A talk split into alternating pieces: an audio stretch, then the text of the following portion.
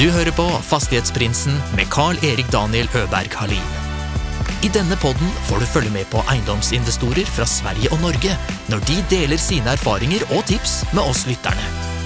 Gjestene er alt fra småbarnsforeldre med sin første enhet, til de mer etablerte haiene. God fornøyelse.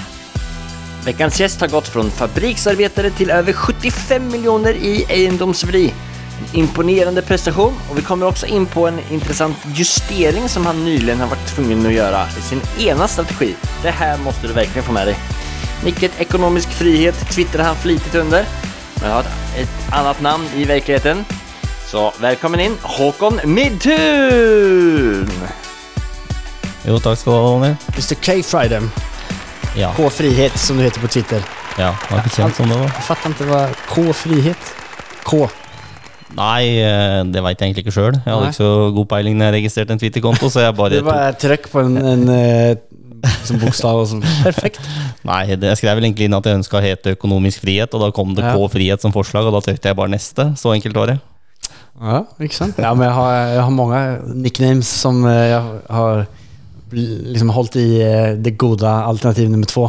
Du har jo vært anonym eh, du er faktisk rutinert i eh, Fastighetsprinsen podcast. Det er är tredje gangen gillt som vi spiller inn. Stemmer, stemmer. Så, men vi har ikke sluppet dem. Nei, det har vi ikke. Eh, Men du har jo vært anonym på Twitter i eh, två, tre år kanskje? Ja, jeg var vel ganske bra anonym første året, og så var jeg vel semi-anonym det neste året. Ja. Før den artikkelen med E24 kom ut. Da Da var plutselig anonymiteten helt borte. ja. Men det var jo planlagt. Det var ingenting som råkade skje. Nei, det var det ikke. Nei. Hva var det som gjorde at du startade Twitter-kontoen? Har dere holdt på med sosiale medier tidligere, eller hva? Nei, eh, jeg leita egentlig bare etter en plattform hvor det var skrevet litt om eiendom. Og så kom noen sider på Facebook som jeg ble medlem i. Ja. Og så var det egentlig det var, ja, hva skal jeg si, mindre god kvalitet på innleggene der. Ja. Og så var det en som skrev om der om hobbyinvestoren på, på Twitter. Ja. Så jeg gikk inn på Twitter for å sjekke det. Ja. Jeg hadde aldri vært på Twitter før. Uh, Eh, registrerte en konto. Ja. Uh, ikke K-frihet-kontoen, men en uh, sneak, Snikkonto. Ja. Begynte å lese litt, syntes det var interessant. Uh, syntes den skrev mye bra. Så um, da blei det å registrere egen konto etter hvert. da. Ikke sant? Mm. Og når var det her? Det var 2019 eller 2020? eller? Eh, det var vel i 2020. Når startade din egendomsresa? Den, jeg kjøpte min første enebolig når jeg var 20, Mm. fordi foreldrene mine skilte seg. Og da blei det, istedenfor å velge en, så hadde jeg muligheten til å kjøpe. Jeg hadde alltid vært god til å spare. da. Valgte du Så- den tredje? ja, ikke sant? Eh, men uh, jeg investerte første utleieboligen kjøpte jeg i 2013. Sen dess, uh, når var det du liksom børja eller kom dit at du bestämde at det her var noe du ville kjøre på med? Nei, jeg har aldri vært noe sånn skoleflink, eller, eller jeg har vært grei på skolen, men jeg har aldri vært noe sånn, aldri, det har aldri ligget helt for meg. Da sitter jeg og leser eller gjør lekser eller studerer. da. Så jeg har alltid vært en arbeidskar. Så eh, med arbeid så ble en jo litt glad i å tjene penger, kan du Ja, si. ja. Så um, eh, det var vel egentlig det som gjorde det. Jeg så at eh, døgnet hadde ikke nok timer til å, til å rett og slett tjene det jeg ville tjene, og være ansatt. Mm. Så da kikka jeg jo over på andre ting som kunne generere penger, mens mer passivt, da. Just det, men eh, det glemte jeg å si. Du har jo, eh, har ju skrivit en bok eh, angående din resa. Ja, stemmer. och. Kan du se hva den heter? Den heter eh, Fra, fra fabrikkarbeider til eh, eiendomsmillionær. Ja. Mm. Og, for det var jo liksom der, når du stod og jobba på fabrik som eh, du pusha timer og fikk de kjenslene som du nyss eh, nevnte. Mm.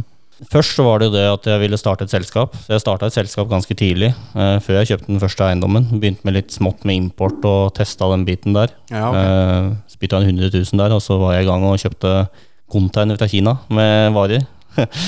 Eh, Så det var jo sånn det begynte, og så eh, så jeg det at det genererte ikke Jeg hadde ikke tid til å drive med det, så jeg måtte ha noe som var mer passivt. Mm. Begynte å google litt og kikke litt på noen eiendommer.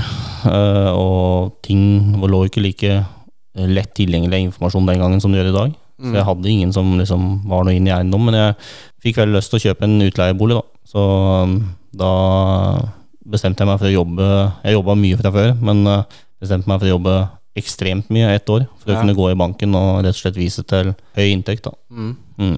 Så du fikk kjøpt eh, din første bolig? Ja, da fikk jeg kjøpt den første boligen. Så jeg hadde jo på den tida så hadde jeg jo betalt ned nesten hele boligen som jeg bodde. Eh, Jeg satte ikke penger på konto, men den gangen var jo renta ganske høy. Lå jo på 7 ca. Begynner å nærme oss det nesten. i- Ja. Ja. Tror du at det kommer dit opp nå, eller? Ikke privatrenta, det tror jeg Nei. ikke. Nei. Og da fikk jeg kjøpt den første utleieboligen i Oslo, på Sankthanshaugen. Den har jeg den dag i dag. Og, åker du dit og pusser på den litt iblant? Eh, nei, jeg har vært der fire ganger siden jeg kjøpte den. Så, ja, den... så den er fortsatt utleid til den som leide den i 2013. Fikk du sånn blodad tann for det var, eh, at det virkelig var passiv eh. Ja. Men hvor mange leieforhold er det du har i dag? I dag har jeg noen og 30 leieforhold. Fordelt på litt, eh, noen litt større og noen litt mindre, helt ned i kollektivrom ned til 6500 per måned, og opp til noen næringsforhold som ligger på rundt 50 000 i måneden. Og vi snakka litt her eh, innan vi eh, eh, satte på å började spille inn, at du har jo holdt på med ganske mange olika typer av eh, inriktningar i, inom eiendom. Och du startade med den första lägenheten för att du vill ha passiv intäkt och leja ut. Og Och så har du i mina ögon i vart fall varit väldigt aktiv på att flippa lägenheter eller hus. Er det rett oppfattet? Ja, stemmer det. Uh, I starten så kjøpte jeg bare helt enkle objekter som jeg egentlig bare kunne leie ut Ja, dagen etter jeg tok over dem. ja ok. Og det er ikke objekter jeg kikker etter i dag. Eh, jeg, Har du kvar sånn objekt som du kjøpte Ja. då eller? jeg har jo den i Oslo, og så hadde jeg en i Drammen helt til i går som jeg solgte i går off market. okay, okay. Uh, så, men jeg har òg et rekkehus som liksom Jeg har egentlig det, det som ligger i den eh, private utleieporteføljen min, det er på en måte leilighet jeg egentlig ikke har hatt noe utvikling eller noe, noe verdig vekst på utenom markedsvekst. Da. Jeg har ikke tilført noe verdi på dem. Da. Men Hva er grunnen til at du har sittet kvar på dem da? og at du ikke har endret Eh, altså, om, du har jo skapt upparbetat deg sjukt mye kunnskap og kapital og liksom vet hva du kan gjøre med om du hadde solgt dem Ja. og, og plukket eh, de pengene og gjort noe annet med dem. Kanskje det er derfor du solgte den i går? Nei, de pengene skal nok inn og jobbe i selskapet. Men eh, nei, det har bare vært veldig enkelt å bare hatt dem gående, Ja. egentlig. Og Ja. Hvis man ser på den leiligheten min i Oslo, f.eks. Det var litt interessant når vi satte oss ned og så på begynte å skrive bok. Mm. Når man så liksom på hvor mye verdivekst den har generert. da Ja. Cashflowen på den er så, så som så. Mm. Eh, Det er sånn at det går akkurat rundt. Men den har generert 26 000 i måneden i ni år i verdivekst. da 26 000 i, I måneden. måneden. Mm. Men det der er jo en, eh, vissa som sier at det er en spekulasjon å gjøre Ja. på det settet. Hva er är det din... Eh, Nei, jeg, jeg, Syn syns jo ikke det også? Jeg ser ikke sånn på det. Fordi eh, boligmarkedet har jo i snitt økt 5,5 de siste 30 åra. ja.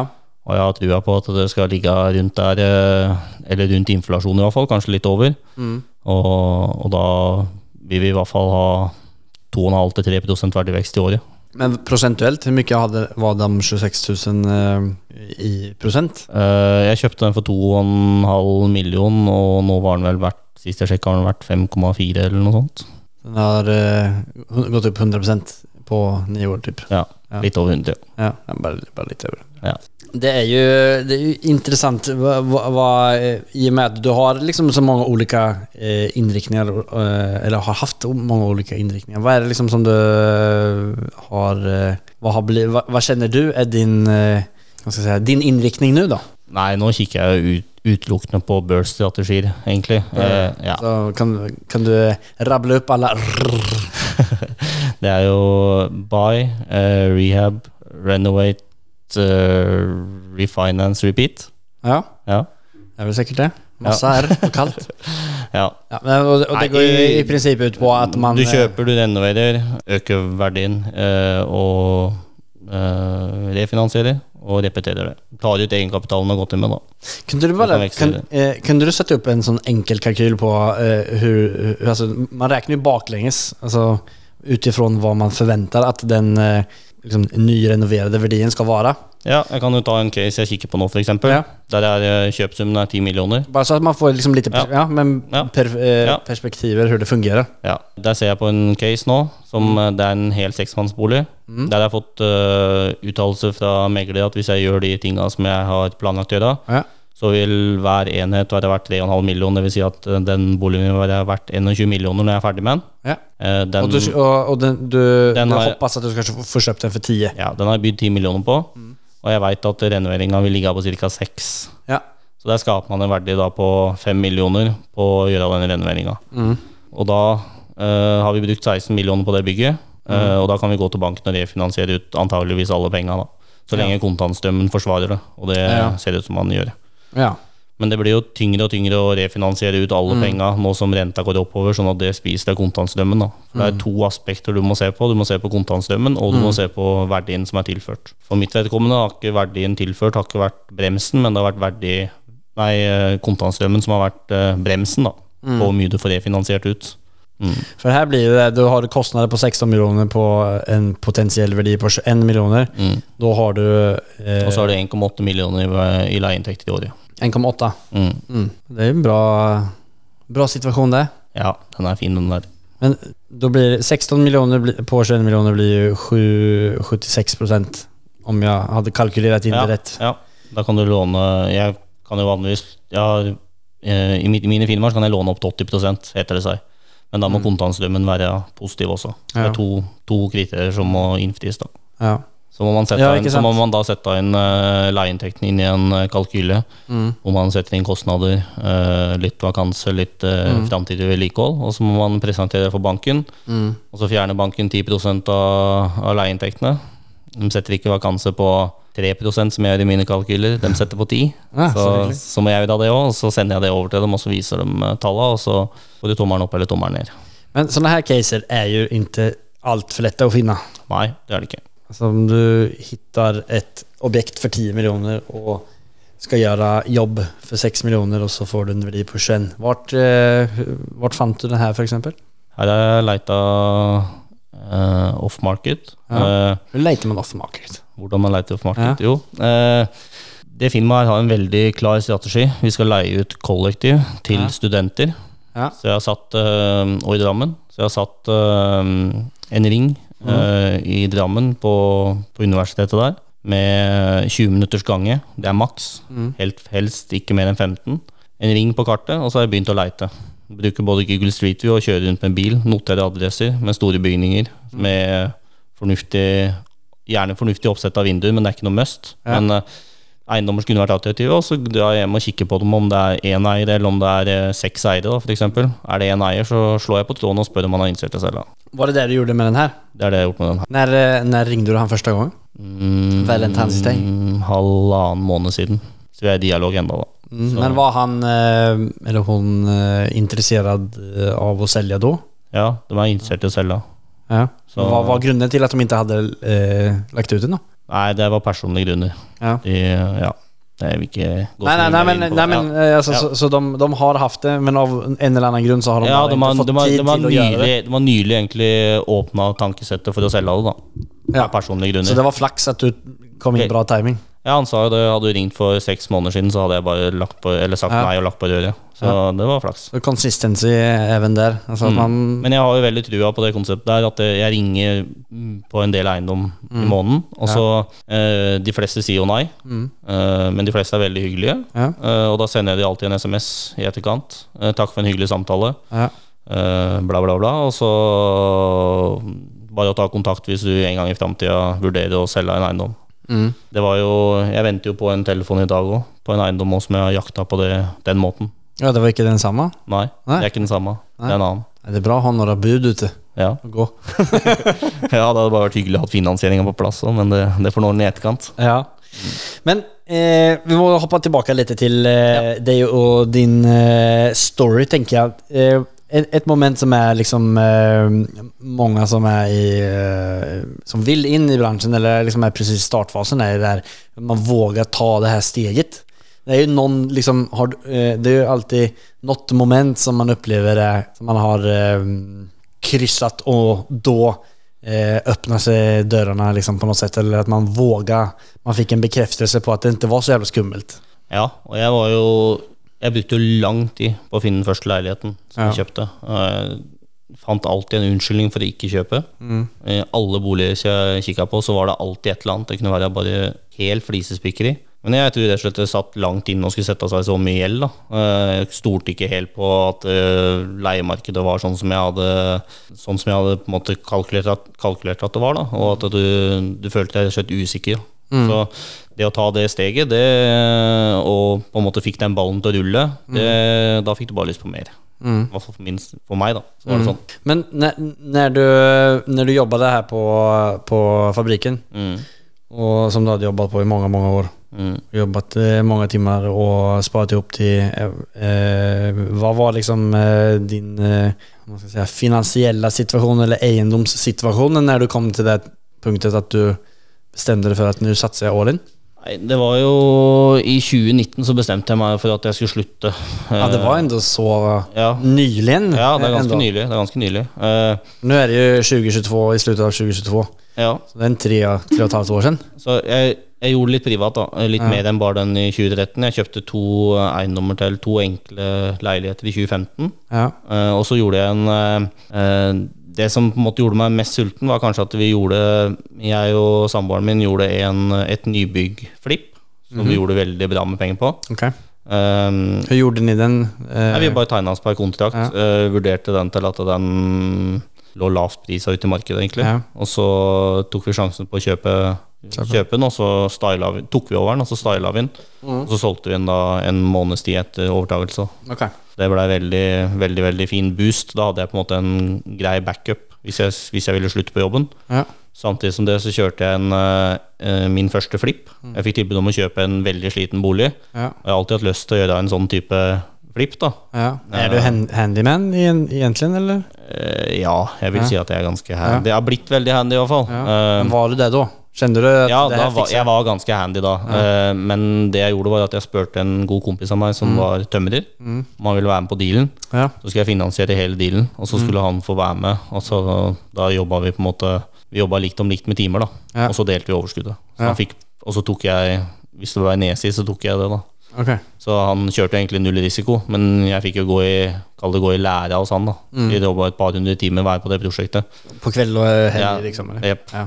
Så det var mye, mye lange dager i mai hvor det er mye fridager. Da var det Ja. mange, var det mange, mange timer sammen, for å si det sånn. Ja. Så det prosjektet gikk veldig bra. Så da hadde Ja. Da hadde jeg en ganske god backup, så i 2019 så bestemte jeg meg da for å si opp jobben for å satse fulltid. Mm. Hadde du noen leieinntekter? Da. Ja. Ja. Hvor eller f- hvor mange enheter i, i leie? Da hadde jeg også solgt en av de leilighetene jeg kjøpte i 2015. Så per da så hadde jeg to aleine, og så hadde jeg en sammen med samboeren min.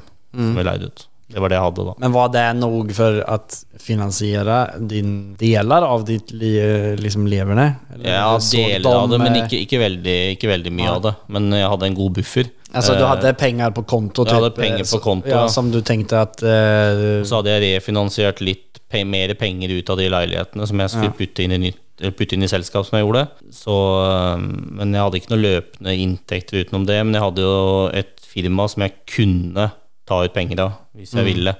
Som dreiv med litt uh, import og litt uh, utleie av diverse ting. da Som jeg hadde bygd opp fra 2012 eller noe. ja, ja, ja. ja, men så du, du har, har, har liksom under en uh, seksårsperiode ändå eh, målrättat, byggt, jobbat strukturerat mot å komme dit. Så seks år Ja. till, av hårt jobb til å komme dit. Det er ju, det får man inte glömma, sex år, det, man klarar av å gjøre jävligt mycket på sex år. Så jeg hadde en øh, Og så hadde jeg, skal det sies at jeg hadde en liten backup i noe kryptovaluta som jeg kunne selge Ja. hvis, jeg, hvis jeg ville det. Ja, 2019, da var det, då var det bra kryptoår, eller var det? Ja, det var, jeg husker ikke helt, jeg. Nei. Jeg ikke holde styr på det. Nej. Men jeg tror det var sånn tålelig greit, ja. Ja. Har, du, har du kvar krypto? Jeg har kvar krypto. Ja. Ja. Mm. Skulle gjerne ha solgt for eh, Ja, et år siden.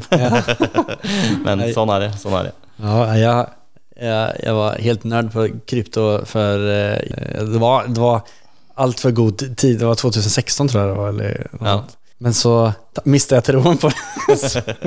Det var dumt. Men det som ikke var verdt noe da eh, Jeg gikk gjennom alle mine sånne der eh, kryptobörser och grejer och skrapade ihop. Så det var, Ja. var en, nu var det ju en slant, det som inte ens gick att skicka på den tiden eh, var ju ganska mycket pengar idag. Ja. Det var nog till en två påsar chips i alla fall.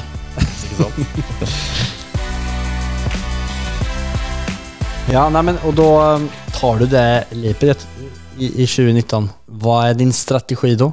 Da er strategien at jeg skal både kjøpe for utleie Ja. langsiktig, og jeg skal flippe. For å tjene egenkapital, så skal jeg flippe. Og skal gjøre gode kjøp som jeg tilfører en viss verdi på. Da.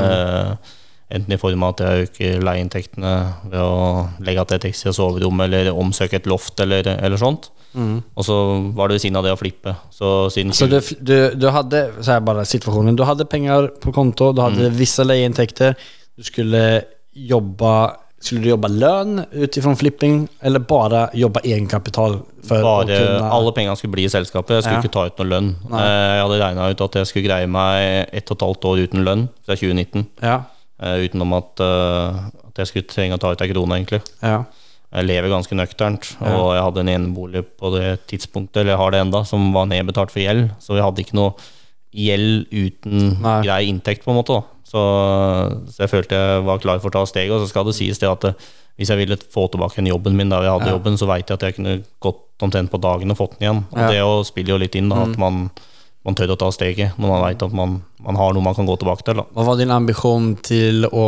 altså Hvor mange flips eh, hade, i, i året eller på de ett og et halvt årene hadde du ambisjon til å ta? Nei, det hadde jeg egentlig ikke satt meg noe mål om. Eh, Jeg jobba jo veldig veldig hands on på de første flippene mine. Ja. Den første flippen var en ganske tung eneboligflipp, eh, og der jobba jeg 1000 timer. Ja. Og da sier det seg sjøl at da, da rekker du ikke så mange når du skal være så hands on. På hvor hur, hur tid? eh, Jeg brukte, du 1000 timer? jeg brukte ca. fire og en halv måned fra jeg begynte på prosjekt, så det var ferdig. Ja, men det, Nei, fem måneder, fem måneder brukte jeg. Fem måneder brukte jeg. det er en bra, en bra timerbank. Ja, det var ja. greit. Det var prosjektleder, ja, men jeg, jeg leide med meg en del folk også. Men, Ja. eh, men var liksom hands on hver dag sjøl. Men det var, eh, det var en tung, eh, tung enebolig å ta. Du fortsetter vel å gjøre ganske mye selv nå også, eller? Ja, nå i det siste året, eh, særlig etter jeg ble kjent med Øystein og, eh, og Kasper og, Jesper og Jonathan. og Jesper og Jonathan, ja. ja. Nei, men eh, etter jeg ble kjent med de, eh, som han hobbyinvestoren som var med gjest hos deg, så har jeg liksom Han har vel åpna litt at jeg tankesett at jeg må, må, eh, må heller jobbe med andre ting, da. At jeg bør jobbe med det finansielle og Ja. og ikke være så hands on, ikke stå og slipe gulv eller mm. flytsparkle et gulv eller Det er ikke der, eh, Mm. der de største verdiene blir skapt. Da. Mm. Men, det var en veldig fin måte i starten. Jeg har lært vanvittig mye av det, og det er mye lettere for meg nå å prate med håndverkere om ting, for jeg, jeg har eh, forståelse for alt det som skal gjøres. på en måte da. Så Jeg tror det var veldig lurt å Ja. gjøre det sånn i starten. Ja, for du er jo i den eh, trioen som ni, nå som ni nu är så er vel du litt mer hands-on Ja, det är- projektledare-aktig. Det er, Så det, er är det jo veldig viktig å kunna, kunna det. Alltså jag eh, är ju en duktig projektledare generellt. Alltså jag anser mig själv vara det. Jag har liksom 13 års erfarenhet av projektledelse i olika former. Men jag har ju inte den här, jag vet inte fly, hur man ska kolla flytspackel om det är gjort bra eller inte.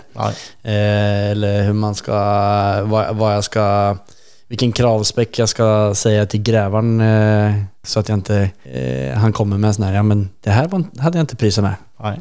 Men det blir jo litt sånn da, når du har gjort eh, Jeg har gjort eh, ja, ti flips nå.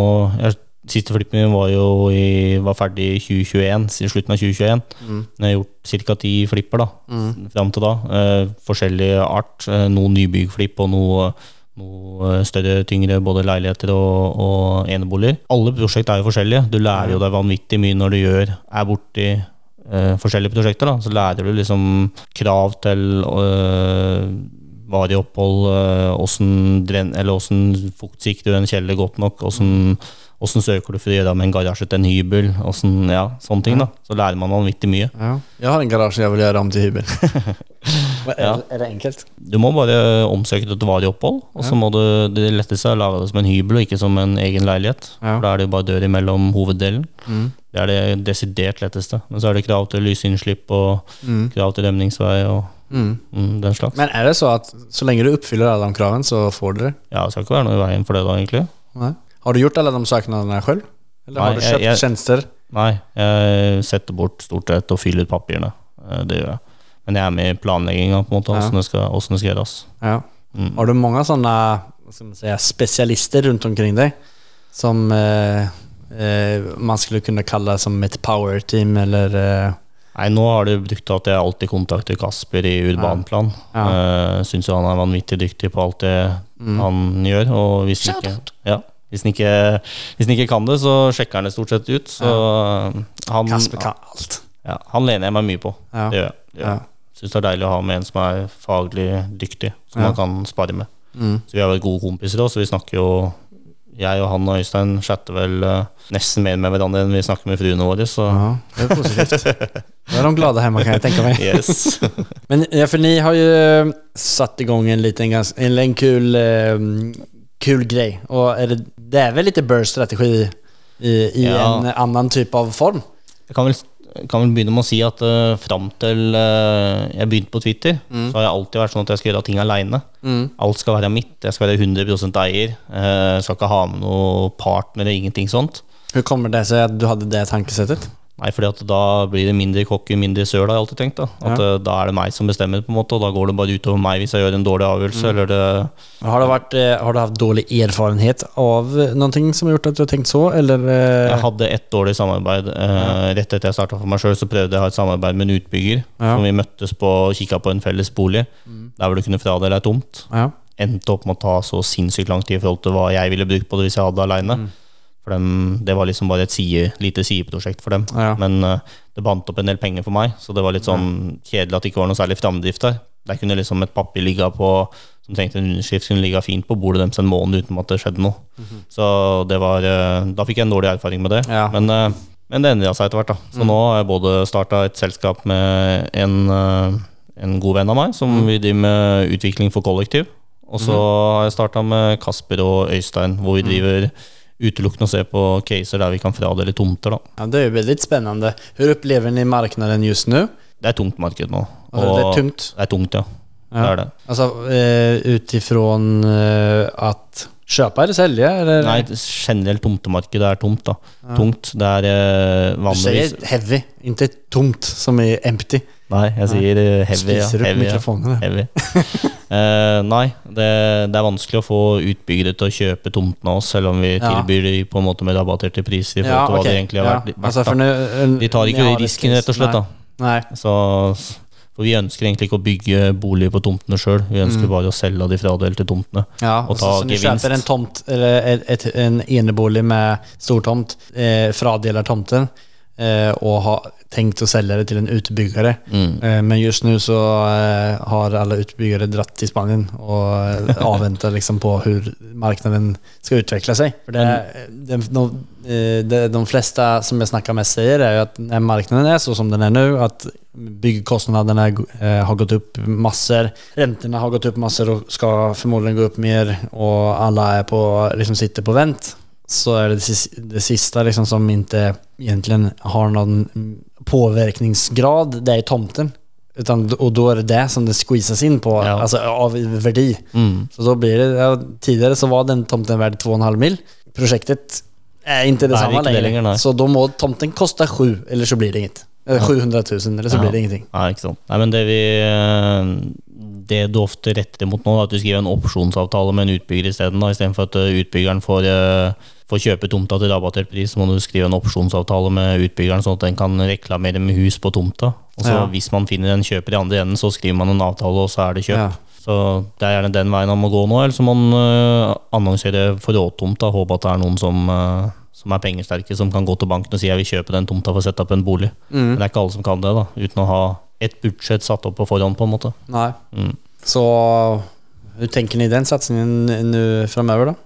Nei, Det viktigste for oss er egentlig å få skilta tomtene og gjort de klare. Eh, Da legger vi gjerne vann og kloakk og, og, og sånn fram til tomtegrensa. Også sånn at det ikke påvirker den gamle boligen. Og så prøver vi å selge de gamle boligene. Ja. For å hente ut eh, nesten alle penga som vi har okay. gått inn i prosjektet med. Ja. Så vi sitter igjen med et tomt som kanskje har en verdi på halvannen til to millioner, og så sitter vi kanskje inne med 200 000-300 000 i, i prosjektet da, igjen. Men eh, tidigare så var, eh, var det strategin tidigare eller var det Nej, det liksom var- att sitta kvar med huset och leja ut? Ja, vi skulle sitte igjen egentlig med alle husene, det var planen vår. Men ja. vi ser at det, det binder for mye kapital, Ja. så vi kommer ikke videre. Så Nei. nå har vi tenkt at vi skal, i hvert fall nå i en eh, startperiode, Mm. eh, selge alt for å rett og slett bygge cash. da. Ja. Men det er litt på at av er marknaden är så som den er, eh, som gjør at ni valde den strategin. For annars så hadde ni jo, i, om marknaden hadde vært som den var for ett og et halvt år siden, eh, så hadde det jo vært att då hade ni fördelat tomten, fått 2,5 miljoner för, för uh, tomten eh, eller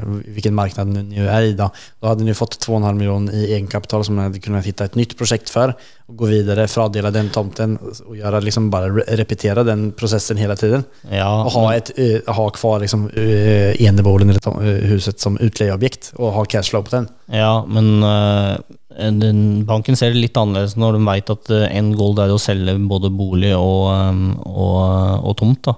Ja. Da blir du ikke eh, på de barometerne til banken, og så ser de ikke på Ser de ikke på cashflowen på boligen, sånn som de gjør hvis de skal sitte på boligen. Så er det cashflowen som gjerne som blir bremsen. da. Men, men når vi skal selge, så ser de bare på betjeningsevne. At vi har betjeningsevne til å betjene den dealen i eh, ett år, da, hvis du tar det og deler av og selger begge enhetene. på en måte. Så det blir litt annet regnestykke for banken. Vi fikk i hvert fall på en måte mye mer tilgang til å kjøpe når vi, når vi presenterte for banken. Okay. Vi hadde tenkt til å, hadde tenkt å selge, faktisk selge boligen og selge tomta når vi var ferdig med det. Ok, så, uh, Så da får vi tilgang. fikk får vi, til- vi får ta flere deals i året den måten enn å sitte på boligene. Fordi da binder du egenkapital i, i boligen. da. Ja, altså hvis du hadde tenkt Og så er det jo litt sånn også at eh, når du har gjort et prosjekt, eh, så er det mye lettere å selge boligen som står der, Ja. som en rimelig enebolig til fire millioner, enn å selge ei tomt til halvannen million som det koster seks-sju millioner å bygge på. Så det er lettere å omsette boligen etterpå, så vi får igjen pengene våre fortere. Men det her var litt interessant. Jeg vil bare forstå det her litt mer. Eh, altså, alternativ nummer ett er at ni sitter kvar med, med huset. Mm. Eh, och vad, hur ser eh, lånemöjligheterna liksom, ut då? Jeg kan prøve å skissere det. Eh, si vi kjøper en enebolig til tre millioner. Ja, Eh, der ser vi at vi kan dele av et tomt til eh, Ja, si fire millioner, da, for, for det er mer reelt. Ja. Fire millioner, kjøper for fire millioner.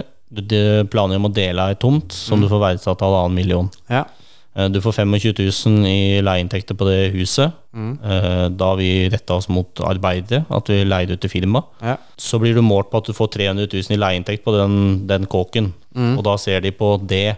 Så når renta går opp nå, så blir betjening Eller går regnestykket dårligere og dårligere, da. Eh, firmarenta nå ligger jo på nesten opp mot 6 eh, Så det blir jo tungt å få tinga til å gå rundt utenom at vi har solgt den tomta.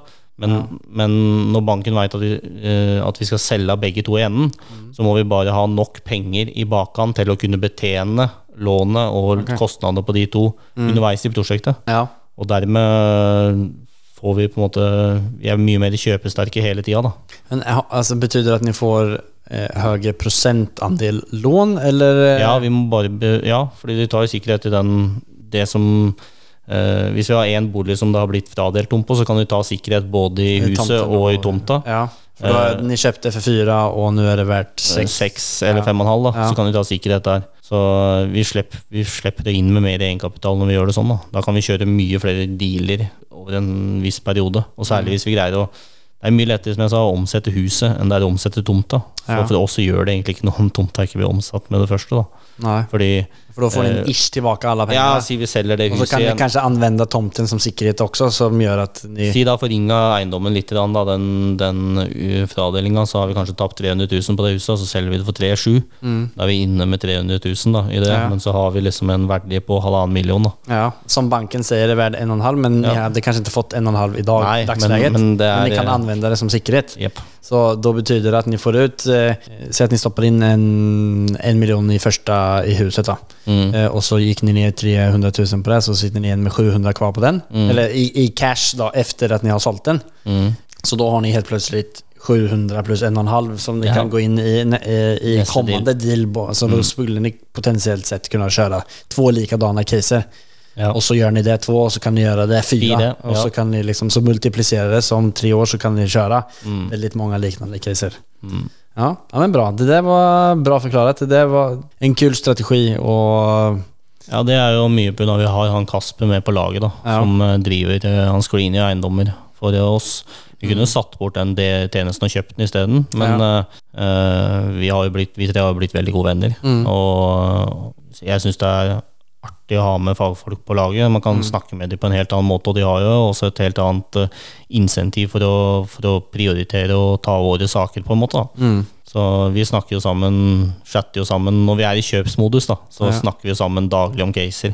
Og Kasper kikker jo på dem da først i overflata, bare og ser om de, om de kan være gode. Og så går han i dybden da, og lager en ordentlig screening som må bli presentert for banken. da. Men det her andre casen, eh, eller andre gjenget som du hadde med, som lät som at det var ganske nystartet også, der studentkollektivgreiene Kollektivet, ja. i Drammen. Stemmer. Hvor, hvor stort er det? Eller hva har dere for utleie? Vi har eh, Vi har tolv eh, rom fordelt på to leiligheter, som er i ett bygg. Mm.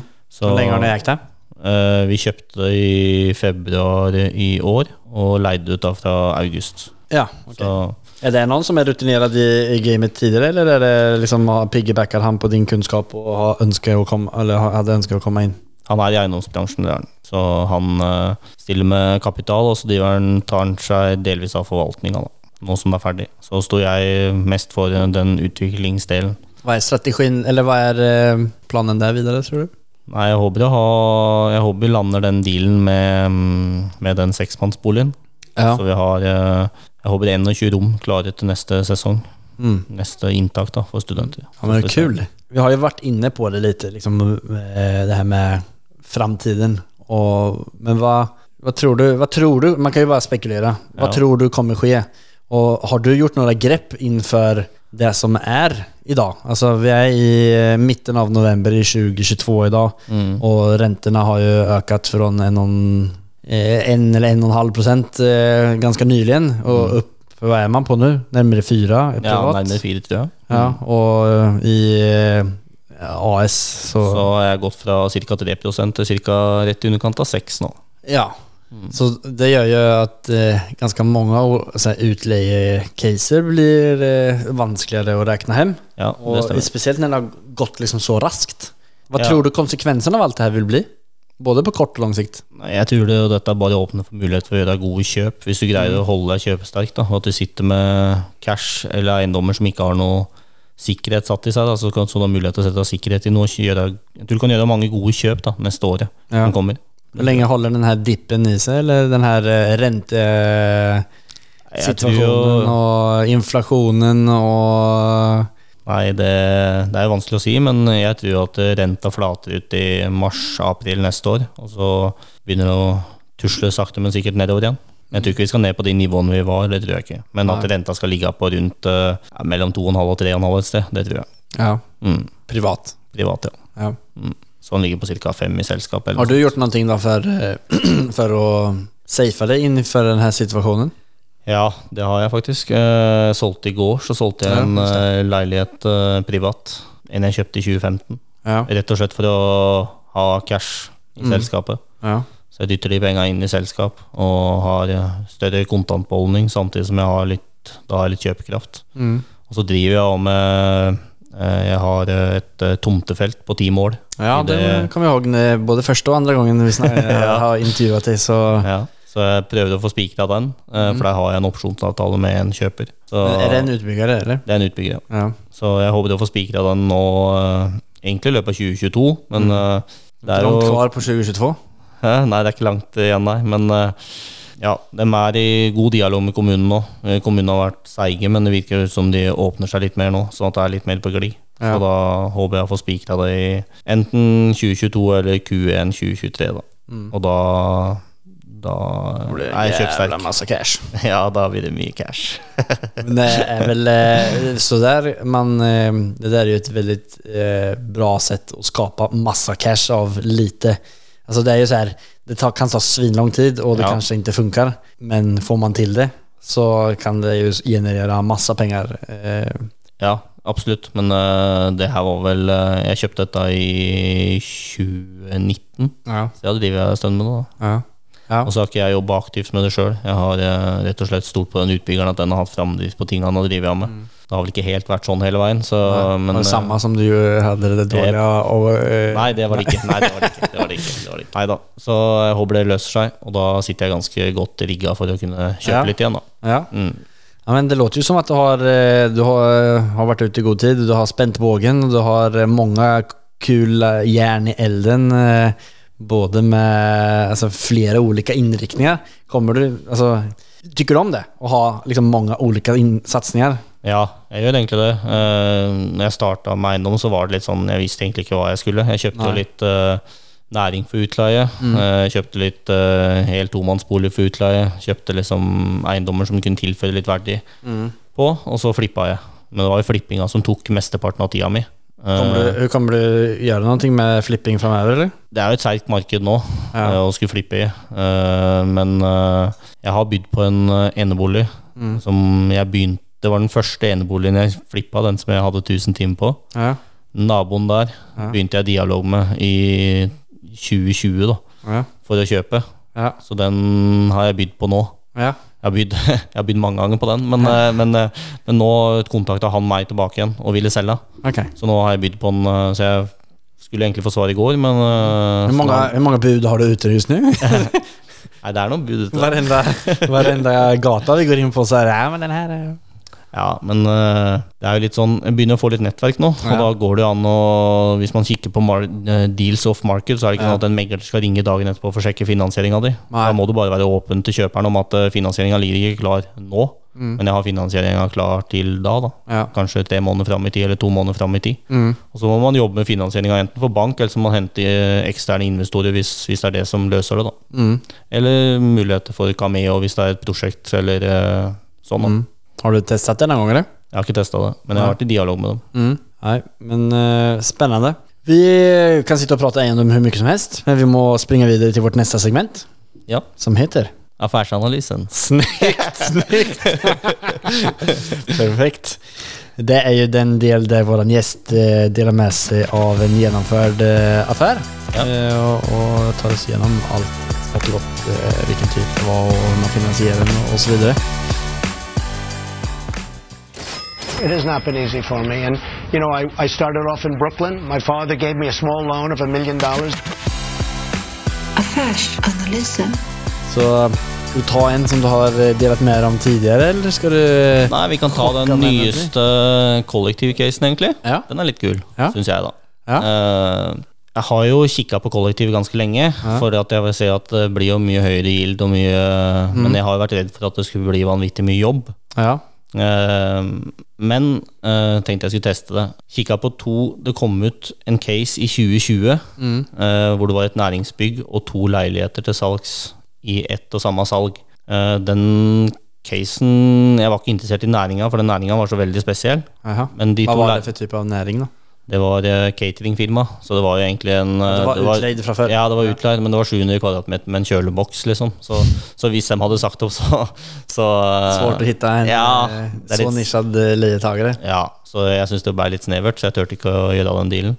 Men jeg var og kikka på det den gangen. Den fikk ikke solgt, som trakk det fra markedet. Hva kosta det da? Det kosta 16 millioner den gangen, Ja. samla. Ja. Men eh, jeg kontakta megler og spurte hvor mye leilighetene var verdivurdert og de var verdivurdert til 7 millioner i november 2019. Ja.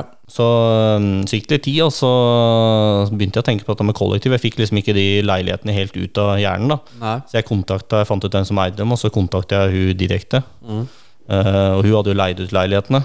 Hadde leid dem ut for 13 500 kroner stykket, så vi fikk inn 27 000 på dem i måneden. da Ganske dårlig regnestykke på, på Ja, 7 millioner verdi. Ja. ja. Så um, jeg tilbød da uh, 6,7 millioner for dem. Eh, Vi tok et møte først, da. Og jeg spurte om det var aktuelt å selge leilighetene utenom den næringsdelen. Tilbød jeg 6,7 millioner. Vi greide ikke å lande noe. Uh, Jeg gikk litt opp, og hun gikk litt ned. Men vi greide liksom ikke å møtes. Og i, i sluttforhandlingen der så fant jeg en annen deal som jeg hoppa på isteden, og tok en flipp. Så da blei det ikke noe, det blei bare lagt dødt. Så var jeg er ferdig med den flippen, og så ringte jeg igjen. Eh, Det var i slutten av 2021.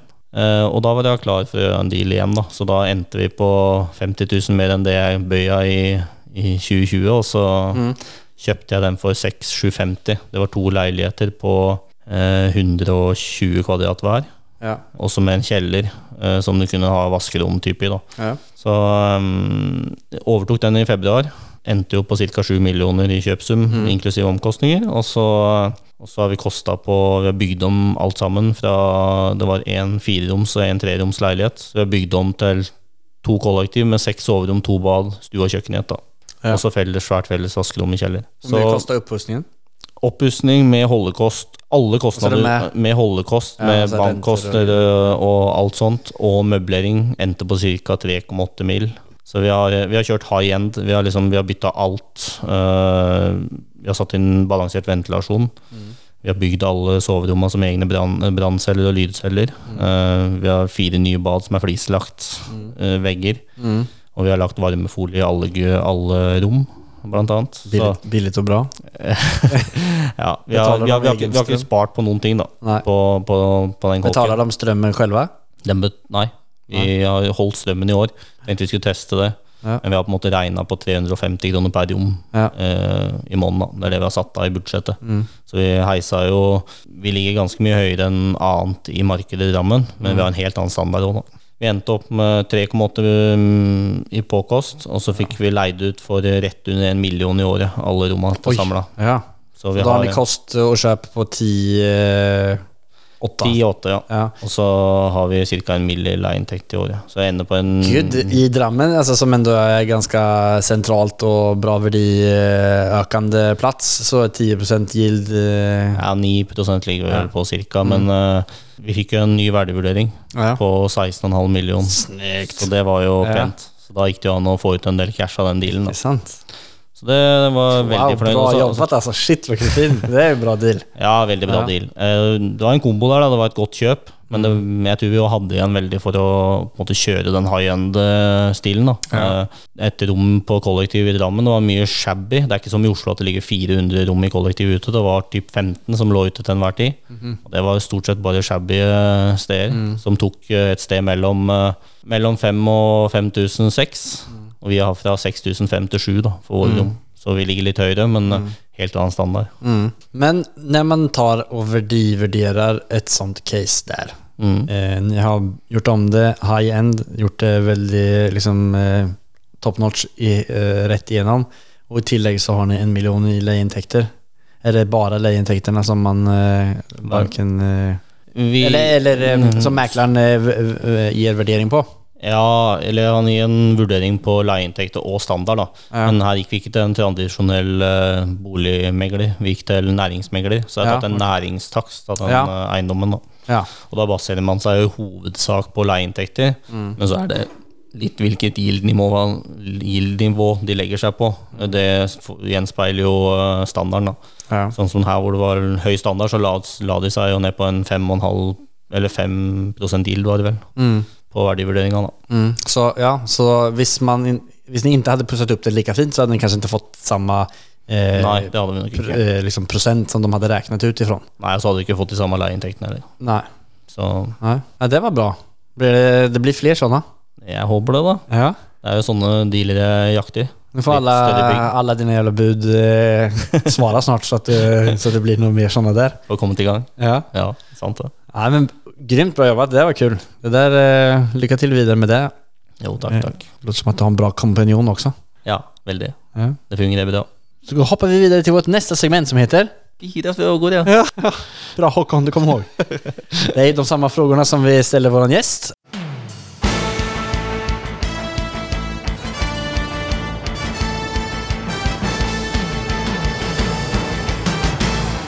Cuatro preguntas. Och den första frågan är Vad är det som skiljer en framgångsrik entreprenör mot de som inte lyckas, slutar eller aldrig kommer igång?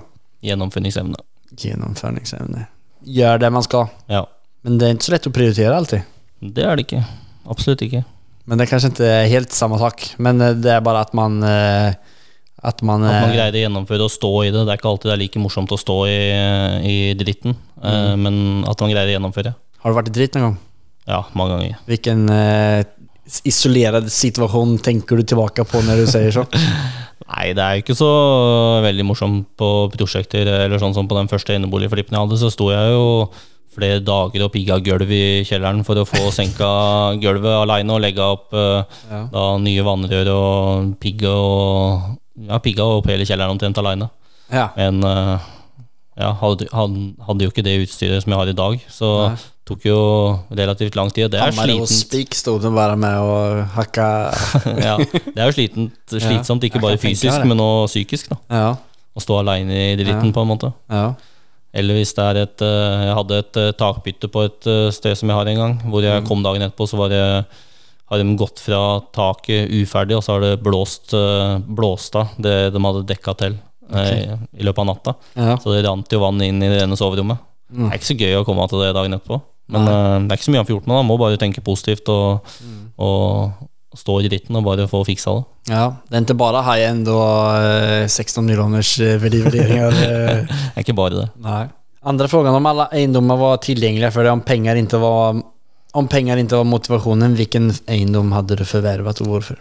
Nei, da ville jeg hatt en uh, type sånn LA-eiendom, men jeg ville egentlig hatt den der hvor jeg bor i dag, i Åmot. For jeg er veldig hjemmekjær. Så jeg, ja, jeg ville ikke flytta noe sted. Men jeg ville gjerne hatt en sånn med infinity pool og, og Det er altså i Drammen, eh, Åmot ligger eller er det utenfor eh, Drammen? Nei, det er utafor Drammen. Det er 35 minutter fra Drammen. Retning Hønefoss, egentlig. Ja, okej. Så det er ikke den her Når man kommer til Drammen så er det jo en, en, en sånn hill. Eh, såg Ja, för jag mig att det var der du hadde bygd 6000 kvadratmeter med infinity pool og skli ned til eh. Ja, det hadde vært dumt, det òg. ja, blir det noen sånn noen ganger? eller? Nei, ser vel ikke for meg det. Penga får heller kaste av seg i eiendommer som er fornuftige, vel. Har du unnet deg noen, ja, men har du unnet deg noen, eh, någonting eh, mer enn så lenge enn bare masse smarte investeringer? Du er ju eh, i hvert fall så som Nå har vi pratet med hverandre i ett og et halvt år til og fra. Bør det du fort bli, Gi et inntrykk av at du er veldig sparsam. at Ja. du lever veldig liksom for neste deal. Ja, og det er jeg òg. Jeg Har du ikke kommet etter å ha kjøpt en eh, Gucci eh, har ikke det, gitt. Nei. Nei, Nei kommer den da? nei si det. Blir det Gucci-mageveske? Det blir det uansett ikke, det skal jeg si. Men, eh, men eh, nei, jeg veit ikke helt, jeg. Jeg har ikke noe behov for å bruke øke når jeg har det jeg trenger, på en måte. Så nei. må ikke kjøpe meg noe. Jeg er ikke helt der. Nei. Jeg vil heller at pengene skal avkaste seg eller være i selskapet for videre vekst. Ja. Mm. Jeg satte meg et mål i eh, 2019. Eh, Da hadde jeg jo bare to utleieenheter privat. Mm. Så jeg må i hvert fall nå det målet først, for jeg hadde et mål fram til 2025. Eh, Så jeg må i hvert fall nå det målet først, før jeg kan begynne å slacke av litt. Hvilket mål da? At? Nei, Jeg hadde et mål om at jeg skal ha 125 millioner i eiendomsverdi, Ja. altså en belåning ikke høyere enn 60 da. Mm. Så får vi se om jeg når det eller ikke. Men Ja. jeg er vel på god vei til det, ser det ut som. Snykt. Da blir det Gucci mageveske. Ah, Jag, hade, fan, jag har varit di- distraherad av min eh, fusklapp här, för nästa fråga är ju bästa boktips för en som är intresserad i eiendomsinvesteringer och så kommer vi att tänka på din bok. Jag hade ju tänkt att inleda eh, samtalet med att det här skulle bli en annorlunda intervju. ja. Eh, att eh, I och med att du har skrivit en bok så hade jag tänkt att ha högläsning i 55 minuter istället. Eh, bara rätt ur din bok. Men eh, fick jag inte dra det skämtet. Men har du något annat boktips eh, bortsett från din bok som heter? Min bok heter 'Fra eh, fabrikkarbeider til eiendomsmillionær'. Ja. Eh, hvis jeg skulle lest noe andre, så er det jo standard som eh, 'Rich Dad, Poor Dad'. Mm. Eh, ellers så syns jeg jo, hvis du skal ha faglige bøker om utleie som er retta mot det norske markedet, så syns jeg Pål Restad sine bøker er verdt å lese. Mm. Og så synes jeg, og hvis du skal ha en historiebok, så syns jeg den boka til hobbyinvestoren er, eh, er verdt å lese. Mm. Mm. Altså en, en historiebok? Ja, eller eh, en reise. Er han så gammel Ja, Ja. er han ikke det? Ja, han har, han har ganske grått hår. Nei men, eh, ja, men Og hvor finner man alle disse bøkene? böckerna? Eh, hobbyinvestoren sin finner du på Gumroad. Mm. Det heter vel 10 år 10 mil, eller 10 mil 10 år. Husker ikke helt eh, der. Eller så er det Utleieguiden til Pål Restad. Mm. Utleieguiden kommer også i AS Spesial, som de skriver litt om AS. da Der har jeg også medvirka litt i boka. Så absolutt gode oppslagsverk hvis man vil lese litt om uh, Pål er veldig strukturert i det han gjør uh, med utleie. Så absolutt en god mann å ta lærdom fra. Militærstrukturert med Paul. Shoutout til Paul. Men då länkar vi till alla eh, de tre böckerna i beskrivelsen och så får ni garanterat bra rabatter, kan jag lova deg. Ja. Jeg syns det var veldig morsomt. da Jeg hadde jo Etter jeg starta den Twitter-kontoen, så hadde jeg jeg, jeg er egentlig ikke noen bokleser overhodet. Eh, Så når jeg ble kontakta om å le og skrive bok, noen som skriver bok om historia mi, så, Ja. så satt det langt inne å si ja. Det var eh, tredje, eller ja, fjerde mann som kontakta meg om det samme. da Ja. Så tenkte jeg at eh, ok, kanskje jeg skal prøve. Mm. Virka som en jeg så meg sjøl litt i han, da. Litt gründertype, da. Ja. Så jeg syntes det var morsomt å la han prøve, liksom. Så jeg er veldig fornøyd med resultatet med boka, og tror den kan inspirere da, andre. Det er det han egentlig skriver for. for. Ønsket om å inspirere andre om å ta steget. Ja. ja, men det är ju väldigt inspirerande. Alltså hur du har jobbat dig upp från der där du var der där och på så pass kort tid. Så det är ju inte så långt, länge sedan som du, som du slutade med det. Nei. Det är kämp, eh, riktigt imponerande. Sista, viktigaste frågan. Nämn det mest storartade, morsamma sättet som du har firat en genomförd affär på. Eller seger. Der er jeg nok eh, kjedelig, sånn som mange av gjestene dine er. Eh, feirer stort sett ikke. Hvis det er feiring, så er det stort sett at jeg lager eh, noe god middag hjemme. Ja. Hvis det er gjort en god deal eller Ja. godt salg eller eh, sånn, da. Du visste jo at denne frågan skulle komme, eller hur? Mm. Eh, og når du fikk verdivurderingen på ditt kollektiv. Ja, da burde jeg feire. Jeg burde gjort det altså. Burde det. B- burde skapat en liten, eh, liten Ja. Men hvordan feiret dere den da? Eller var det bare high five og så gikk dere hjem og kjøpte pølse? och... Nei, det var bare en telefon som jeg fortalte hva verdivurderinga lå på. Og så var det 'å, fy faen, det var bra', og så, så var det hjem og spise middag med familien på kvelden. Ja. Och så glemte du å berette at det var verdivurderinga? Nei da, vi fikk vel vite av det. ja. Nei. Men så var det jo da å begynne å jobbe med refinansieringa. Det var jo det som sto i huet da. For det, Ja. mm, det er hele veien å pushe ja. Og når dere fikk refinansiert, hvor fine er dere da? Nei, det feira vi ikke. Nej. Nej, men nu, eh, nu har du ju... Liksom, telefonen kommer ju ringa för fullt på alla bud som du kommer klonka här nu i, i nästa vecka. Nu må du eh, nu utfordra dig. Nu må du hitta på någonting att fira. Ja, gjøre det. Ja. Så må du dokumentera det. Skicka till mig. Ska vi Nej. lägga upp det. Bevis. Jeg har vel blitt bedre på det å ta um, Jeg har jo på en måte kall det feira litt på at uh, vært med på noen sånne meetups og sånn med andre eiendomsinvestorer. da Via det eiendomshjørnet som jeg og Pål og, og Øystein Ole Henrik har starta. Mm. Så det har vært veldig givende for min del. At uh, Da har jeg jo tatt meg råd til å ta fly til Bergen, blant Oi, annet. oi, oi. Yes, Ja. For en uh, ukes tid siden. Møte andre. Ja. Det er moro. Mm. Ja, Nei, men det får du... Du får fortsette med det. og fire masser. Ja. Flyge til Bergen og ta flyg overalt. det er veldig bra initiativ ni, ni har tatt der, tycker jeg. Er det noen spesielle deals som du er på jakt på efter eller noen spesielle personer som du vil komme i kontakt med? Eh, jeg kikker jo alltid etter deals i Drammensområdet. Eh, gjerne noe litt større deals. Ikke, ikke en enkel leilighet eller, eh, eller noe sånt, men et bygg eller en større enebolig sentralt i Drammen, eller, eller større bygg med flere enheter. Da. Det er jeg interessert i. Mm. Mm. Och hur kommer man i kontakt med deg på beste sett? Jeg kan, enten så kan de legge inn en forespørsel på hjemmesida, eh, samme hjemmesida som boka, kfrihet.no. Mm. Uh, eller så kontakte meg på Twitter eller, eh, eller Instagram, som jeg går under samme. Økonomisk frihet, K-frihet. Mm. Mm. lenker vi til det også Ja. I beskrivelsen på podden. Om du hadde fått passa videre mikrofonen til en bransjekollega som hadde vært interessant å lyssna på, hvem hadde det varit? Nå er jo problemet det da, at jeg sender jo alle de som er interessante til deg fortløpende, Daniel. Du har fått noen tips av meg opp igjen? Jeg har fått noen tips. Ja. Ja. Så, Så, jeg, eh, jag, jag vet jo at du sitter, har sittet med et guldkorn och väntat i dag Og bare får fysisk hand it over til meg. Nei, det har jeg faktisk ikke, altså. Nei. Jeg kommer ikke på noen spesielle som er på Nei, nej, men det har det faktisk gjort. Det har vært veldig fint at du har... Eh, Natur sendte jeg jo blant annet. Gjorde du det? Ja, Ja. sendte jeg tidlig. Ja. Ja. Shout-out! Ja. eh, Hobbyinvestoren sendte jeg over. Men det, det han kjente vel sjøl. Nei, det gjorde jeg faktisk ikke. nei. Altså, jeg, jeg har ikke vært inne i noe miljø overhodet eh, innan jeg startade med det her. utan det er bare liksom uppmärksammats eh, underveis. Vi kunne tatt en uh, prat med f.eks. Jan Oftdal i solt.no. Ja, han har Eh, sett det. er ganske kult. Han drev jo Ja, akti- ja, men den, aktivt, eh, han drev jo aktivt med flipping før han begynte i Solt. Ja. Det har vært litt morsomt å høre om åssen åssen type deals han har gjort, og åssen han har gjort dem. Helt klart, Jeg har, jeg har faktiskt han på min lista. Så eh, det skal jeg gjøre. Så du får... Du er vel litt inne i Solgt, tror jeg? Jeg er aksjonær, aksjonær i Solt, ja. Ja. Mm. Så da då du de opp med, med J. ja J.O. som han kaller seg i det. folkmun. Prøv å fikse det. Ja. ja, men superbra. Det blir bra. Da eh, gläder jag mig till eh, ett samtal med han. Innan vi springer videre, har du et siste tips til alle nye investerere? Det er bare å ta steget og hoppe i det, på en måte. Ja. Men man er, man er redd. Hva er det man skal gjøre? Altså, hvordan skal man gjøre for å kjenne seg mer trygg? Les, les bøkene til Pål, ville jeg gjort. Uh, der er det mye god fakta. Uh, og så lær deg å sette opp ei kalkyle. Kalkylen min eller hobby eller, eh, eller Pål sin. Har ni, har ni kalkyler? Ja, vi har okay. kalkyler. På hjemmesida mi ligger det kalkyler. Hobby får du med boka, uh, og Pål får du med boka.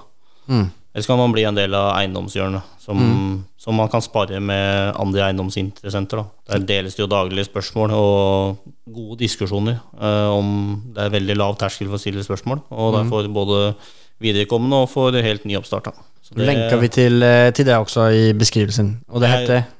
eh, Det er jo noe jeg savna når jeg starta opp, og det er litt derfor vi har starta det. Fordi jeg savna egentlig å ha noen å prate eiendom med, som, som ville dele. da Det er mange som kan eiendommen, som ikke sitter med korta veldig tett til brystet. Der er det Det begynte jo med en fint gjeng på Twitter som delte mye. Der er det jo mange som God track record, som deler mye, da. Det var veldig givende, så da ble det å starte eiendomshjørnet. Mm. Mm, som var mer beretta bare på eiendom.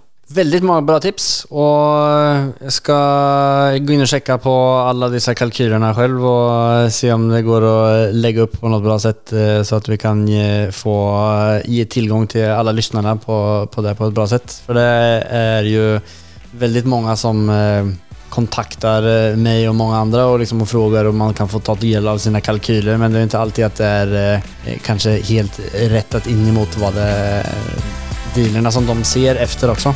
Tack for at vi fikk gjennomført det her. Blir den her lansert, tror du? Håper det vel. Ja. ja, nei, Men hvis ikke, så, hvis ikke så kommer jeg på besøk igjen. Ja, Donald. Veldig Ja. hyggelig å komme på besøk.